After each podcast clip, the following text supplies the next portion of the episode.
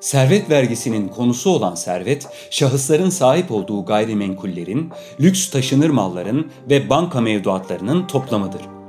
Gayrimenkullere yani taşınmaz mallara örnek olarak Ev, apartman dairesi, arsa, dükkan, iş yeri, villa, her türden konut, her türden arazi, lüks taşınır mallara örnek olarak lüks araç, yat, çok yüksek kıymetli mücevherat, çok yüksek kıymetli tablolar, her türden kıymetli kara taşıtı, deniz taşıtı ve kıymeti çok yüksek her türden kişisel taşınır mal gösterilebilir.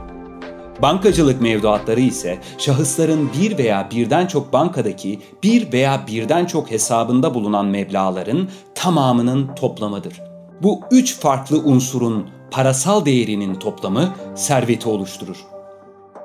Servet vergisi nedir? Kimlere uygulanır?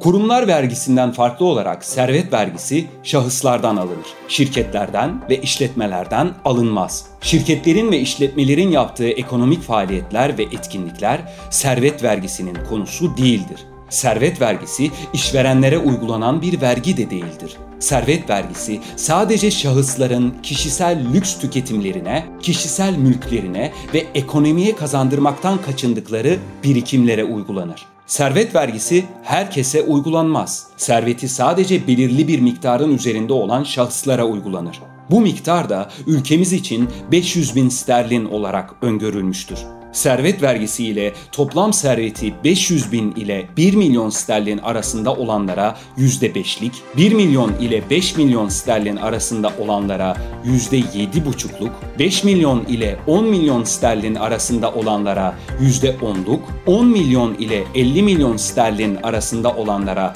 %12,5'luk, 50 milyon sterlin ve üzerinde olanlara %15'lik bir kesinti yapılır servet vergisinin kapsamına girecek kişilerin oranı yaklaşık olarak bütün toplumun sadece yüzde ikisidir. Toplumdaki bütün insanlar arasında en büyük zenginliğe sahip yüzde ikilik bir ultra zengin kesim dışında kimse servet vergisinden etkilenmez. Servet vergisini hayata geçirmek ülkedeki yatırımcıları korkutup ekonomiye zarar vermez mi? Hayır.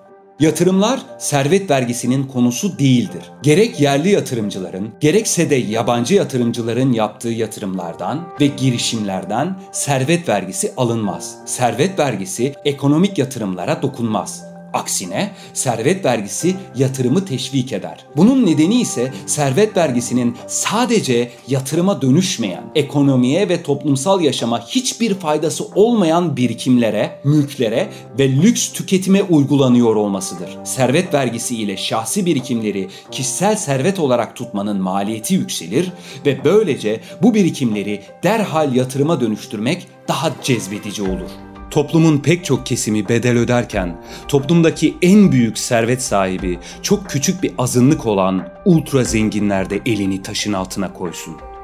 Servet vergisi hemen şimdi.